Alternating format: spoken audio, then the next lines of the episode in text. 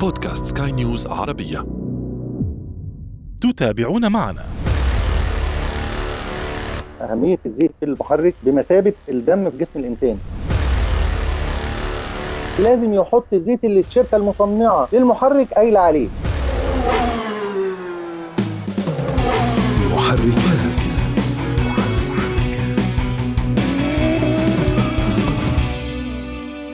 هل صدف وأن وقعت ضحية تخمينات الفني أو الميكانيكي وتكبدت إصلاحات طويلة ومكلفة وفي النهاية تستنتج أنه لا فائدة منها إطلاقا؟ إذا كنت كذلك هذه الحلقة ستعجبك. أهلا بكم مستمعينا في محركات. برنامج البودكاست الذي يهم كل من يقود أي نوع من المركبات أو حتى يجلس فيها.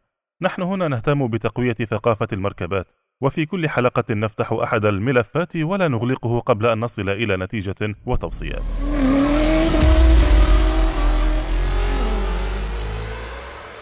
أهلا بكم مرة أخرى. ذهبت يوما ما إلى الفني أو الميكانيكي لإجراء عملية تبديل الزيت الدورية، وخرجت من عنده بلائحة أعطال طويلة، منها إصلاح المحرك والبحث عن تهريب الزيت، وأنت طبعا آثرت السلامة عن الندامة ورضخت للأمر الواقع. دفعت ما فيه النصيب وخرجت وبعد خمسة أو عشرة ألاف كيلومتر عند موعد تبديل الزيت مرة أخرى ذهبت إلى فني آخر وشاءت الأقدار أن قال لك نفس القصة التي سمعتها المرة الماضية فهل هذا معقول؟ هل أصبحت مركبتك فجأة تشرب الزيت مثل محركات القوارب ثنائية الأشواط؟ أم أن الفني الأول لم يؤدي عمله بشكل مطلوب؟ أم أنه لم يكن هناك أصلا عمل ليؤديه لا الأول ولا الثاني؟ حول هذا الموضوع ينضم إلينا الخبير في صيانة المركبات والفني سعيد أحمد. أهلا بك سعيد. أهلا بحضرتك أستاذ أشرف أهلا بكل المتابعين. سعيد سؤال يعني ربما يفاجئ البعض. هل يمكن للمركبة فعلا أن تخسر الزيت بشكل تلقائي زيت المحرك؟ هو مش بشكل تلقائي بالظبط بس هو ممكن تخسر الزيت بيكون ليه أسباب م- متعددة. تفضل. نعم. آه، منها استهلاك الجوانات والألسيلات أيضا آه، الأجزاء الداخلية داخل المحرك مثل الشمبر والبستم والشميز. بس خلينا الأول نتعرف على الأسباب إمتى العميل يقلق من الزيت إذا كان المستوى بتاعه قل جامد أو هل هو في مرحلة ي- تستدعي إن أنا أفك المحرك. ولا هل ده طبيعي؟ في مستويات معينة بقدر أو مراحل معينة بقدر من خلالها إن أنا أحدد النقط دي. طيب جيد جدا. قبل أن ندخل في المستويات دعنا نقطة نقطة نتحدث عنها. تحدثت عن آه، حدوث تلف في بعض الأجزاء داخل المحرك هي التي يمكن أن تؤدي إلى إلى نفاذ الزيت تلقائيا صح؟ تهرب- الزيت تمام. طيب جيد. كيف يمكن للشخص العادي أن يعرف آه، أن لديه نقص طبيعي في الزيت وليس نقص ناجم عن تهريب أو آه، مم. أو تسريب؟ يجب أن تهريب.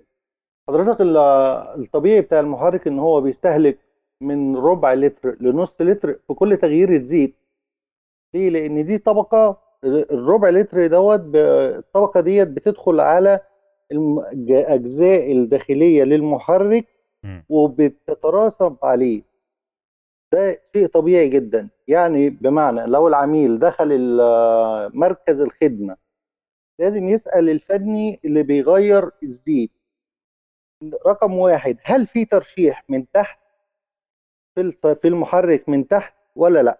ده أول سؤال آه، ده أول سؤال. نعم.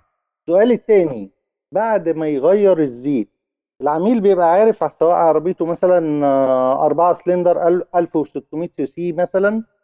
بي بيغير لها 4 لتر كل 5000 أو كل 10000 بيسأل الفني بعد ما بيصفي الزيت كام كام لتر بالظبط نزل بين المحرك لو هو نزل 3 لتر ونص فده طبيعي جدا لأن عندنا في بيبقى فيه نص لتر في الفلتر. وكده المحرك بتاعنا بيبقى سليم تماما لو نزل 3 لتر بس برضو ده مستوى مسموح بيه. أما إذا نزل 2 2 لتر فكده يبقى في في عندي مشكلة في. في حاجة بتاكل الزيت داخل المحرك أو خارجه. طيب السؤال الطبيعي هنا أين يذهب هذا الزيت؟ أين يذهب هذا الزيت؟ في عندنا ثلاث حاجات بتخلي الزيت بي...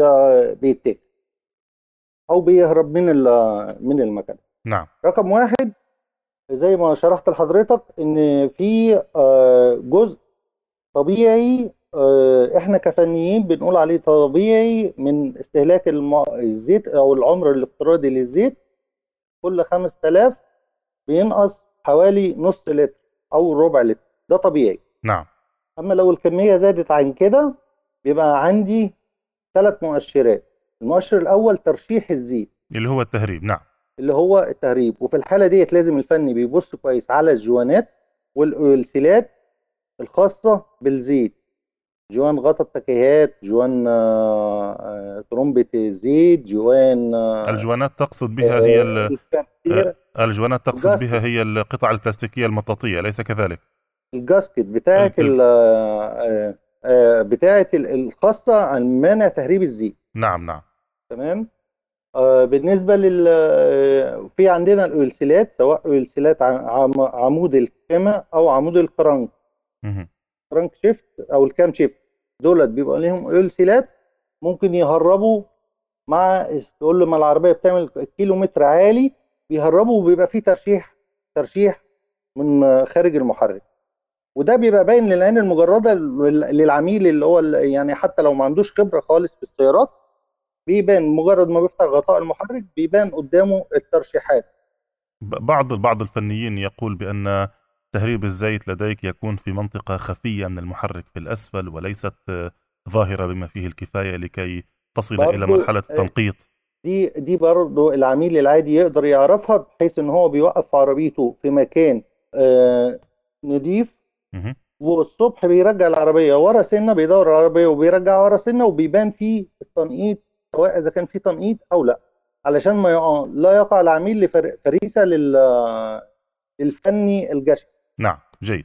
طيب أكمل. كنت تتحدث في البداية وأنا قاطعتك عندما قلت أن هناك فرق بين التسريب المخيف والتسريب الطبيعي. كيف كيف يمكن أن نعرف. التسريب المخيف وإلى أين يمكن أن يؤدي؟ زي ما ذكرت لحضرتك التسريب العادي دوت فيه من من ربع لنص لتر دوت لو فضينا الزيت سواء كل 5000 أو 10000 نعم إذا من ربع إلى نصف. لتر هذا أمر لا يخيف نسبيا. لكن أنت تقيس على مثلا لا. على سيارة آه، سيارات صغيرة ولا سيارات كبيرة ولا هذا رقم إجمالي يصلح لل ده ده ده رقم مصرح به الشرك- الشركات العالمية. نعم يعني أنا ده رقم أقول أنا بيه أقول حتى لو كان معي سيارة آه، محركها 8 سلندر آه، 5000 CC آه، وسيارة أخرى 4 سلندر آه، 1800 أو 1600 CC هل معدل نقص طبيعي مت- متساوي بينهما؟ مش متساوي طبعا لأن حجم المحرك بيزيد. يعني مثلا لو آه، محرك 4 سلندر 1600 CC عكس محرك 8 سلندر 4000 CC. نعم تمام. هيقل هتبقى النسبة هنا لو نص لتر هن آه، هتبقى هنا مثلا لتر. نعم جيد. تمام؟ لأن لأن دي دي بتاخد 8 لتر ودي بتاخد 4 لتر. فطبعا آه، مش هتبقى النسبة أعلى. نعم جيد جدا. ده بالنسبة لل... لل... للمستوى الطبيعي طيب المستوى اللي اللي مش طبيعي أو الأعلى من كده لما يبقى عندي الاستهلاك بتاع الزيت من لتر للتر ونص. التغييرة في تغييرة الدورة اللي هي ال 5000 أو ال 10000 دي. تبقى عالية وعندي استهلاك ولازم أكشف عليها زي ما وضحنا إن إحنا بيبقى عندنا باين عندنا من لما بفتح غطاء المحرك أو. الكبوت. بتاع السياره بي- بيظهر عندي ترشيحات على الموتور أو. من تحت تمام نعم ال- المنطقة الخطر إن الزيت يخت... يهرب من المحرك وأنا ما بشوفوش بمعنى إن عميل بيرفع مقاس مقاس الزيت ال- بيكشف على ال level بتاع الزيت. كل أسبوع أو كل شهر مرة ورفع فجأة لقى الزيت على العلامة على ال minimum نعم. ولسه ما جاش معاه تغيير الزيت. نعم. إذا هذا هو المؤشر. المخيف. طيب فيما لو ترك الزيت على تلك الحالة ولم يتم علاجه ما هي نتائج إهمال إصلاح المحرك؟ يعني خلينا نوضح للمتابعين آه، إن أهمية الزيت في المحرك بمثابة الدم في جسم الإنسان. هل يستطيع الإنسان أن يعيش بدون دم. كذلك المحرك الزيت داخل المحرك. الزيت داخل المحرك بيمنع الاحتكاك ما بين الأجزاء الدوارة آه، مثل البساتم مثل عمود القرنق مثل عمود الكامة مثل الصبابات. زائد إنه بيعمل بيعمل على تبريد المحرك. الزيت لو قل في المحرك بياكل الأجزاء ال- الخاصة بالموتور زي البساتم زي حلقات الشمبر زي السبيكة. وبنبدأ بعد كده نسمع صوت ترزيع جامد داخل المحرك وعدم ثباته. زائد إن في بعض العملاء بيأخر تغيير الزيت. المفروض إن الزيت بيتغير عند 5000 بيمشي عليه 7 و8 وده خطورته نفس خطورة نقص الزيت لإن الزيت بيأكسد. بفعل بفعل عامل الاحتكاك القوي والشوائب اللي بتبقى داخل الزيت دي بتأثر على عمر الزيت وعمر المحرك أكثر. نعم. بالنسبة لخطورة عدم تغيير الزيت ما هي نتائج إهمال آه، إصلاح آه، العطل في تهريب الزيت داخل المحرك إن لم يكن طبيعيا. اولا لازم يكون الفني يقدر يكشف كويس على التهريب جاي منين. هل هو تهريب خارجي ولا تهريب داخلي؟ خلينا نوضح للعملاء بتاعنا إزاي يعرفوا إذا كان في تآكل زيت ومفيش عندي تهريب واضح بالعين المجردة. زي ما ذكرنا في النقطتين اللي فاتوا إن أنا بقى آه، بالعين المجردة ببص فوق من فوق الكبوت بتاع العربية على المحرك ومن تحت. مفيش أي تهريب يبقى بعمل حاجة اسمها test بدور العربية الصبح وهي باردة المحرك وهو بارد الصبح خالص. بنظر ورا على العادم الشكمان من خلف السيارة. لو طلع دخنة بيضة يبقى أنا عندي مشكلة هنا في ال cylinder head بالتحديد في كاوتش الصبابات وده بيبقى نشف من كتر الاستهلاك فبيهرب الزيت الصبح بالزيت. طيب لو دورت العربية الصبح ومفيش ومفيش دخنة بيضة تحديد لون العادم بيبقى أزرق مايل للزرقان نعم يبقى كده عندي م... عندي مشاكل في حلقات المكبس أو الشنابر في نعم. الحالة دي يبقى أنا عندي المشكلة داخلية داخل المحرك مهم. ولازم يتفك علشان الأمور ما تتطورش والإصلاح تبقى تكلفته أعلى فيما بعد تمام؟ طيب للمستخدم العادي. عندما كما قلت لي يجب أن يكشف على مستوى الزيت بشكل تلقائي. بشكل دوري بشكل دوري نعم. وإذا اكتشف فجأة أنه أن الزيت ينقص. أنت قلت لي معلومة يعني وجدتها غريبة. كيف يمكن أن ينقص الزيت مرة واحدة أو يتغير مستوى الزيت على السيخ من الوضع الطبيعي إلى إلى الحد الأدنى مرة واحدة خلال أسبوع واحد؟ نحن نتحدث عن فقدان عدة لترات من الزيت. يعني أكثر من لتر من الزيت أليس كذلك؟ مظبوط تمام كيف يمكن أن يحدث ذلك؟ أليس ذلك مؤشرا خطيرا مثلا؟ أم أن هناك خطأ في ال- في الفحص؟ إن كان. العميل بي... بيكشف بصفة دورية كل يوم على على الزيت وفجأة لقاه لقاه ناقص يبقى كده في تسريب آه، حصل مهم. بمعنى ممكن يكون في فلتر الزيت آه، اتسرب منه زيت أو الكارتيرة اتخرمت ناتج لطب آه، خده العميل أو آه، طوبة جت أسفل المحرك. وممكن يكون ساعة الزيت باظت فدي فضت الزيت فجأة. بس دي الحركة دي بتدي مؤشرات للعميل من خلال تابلو السيارة. في عندي لمبة الزيت على شكل مصباح وفي نقطه نقطة حمراء كده. دي بتدل على إن في مشكلة دي بتفضل تعمل آراء ألارم على طول إن مستوى الزيت قل عن ال- عن اللازم. نعم. وفي الحالة دي يجب أن يتوقف العميل بالسيارة ويكشف على الزيت مباشرة.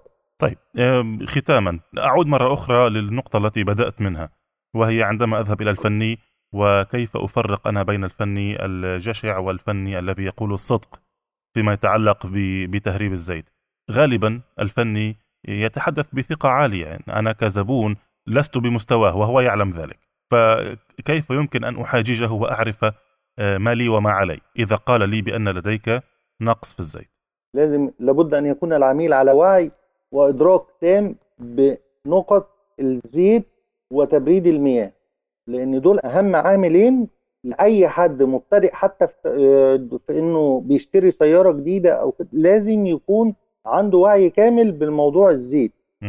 بالأخص.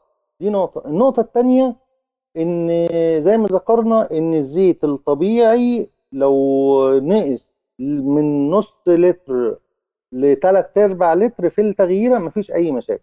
أرجع لسؤال حضرتك إن إزاي العميل يكون عنده وعي ويقدر يتحاور مع الفني عشان الفني ما يضحكش عليه. بالضبط. رقم واحد لازم يحط زيت من شركة معتمدة. لأن الفني عايز يكسب أو صاحب المركز يعني مش كلهم طبعا عايز عايز يكسب وخلاص على حساب العميل الغلبان اللي مش مش فاهم حاجة يعني.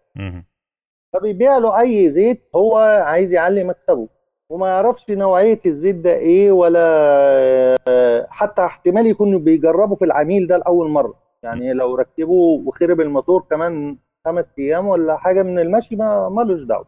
نعم. لازم يكون العميل يحط نوعية زيت معتمدة جيد. ونحط تحت كلمة معتمدة دي 100 خط بالفعل نقطة مهمة. وأهم من معتمدة إن العميل بيرجع للمانوال بتاع السيارة أو الكتالوج بتاع السيارة علشان يحافظ على المحرك. لازم يحط الزيت اللي الشركة المصنعة للمحرك قايلة عليه. سواء بقى شركة ألمانية بتبقى عارفة المحرك دوت أفضل زيت ليه إيه أو شركة فرنسوية أو شركة يابانية. كل شركة مصنعة عارفة أفضل زيت للمحرك ده إيه وأفضل درجة لزوجة للمحرك بتاعها في سواء في ظروف التشغيل الباردة أو الحارة شركة بتوصي بيه ولازم العميل يتبع هذه المعلومة علشان خاطر يقدر يحافظ على الزي على المح... عمر المحرك بتاعه. بالفعل معلومات مثرية وجميلة جدا. محركات.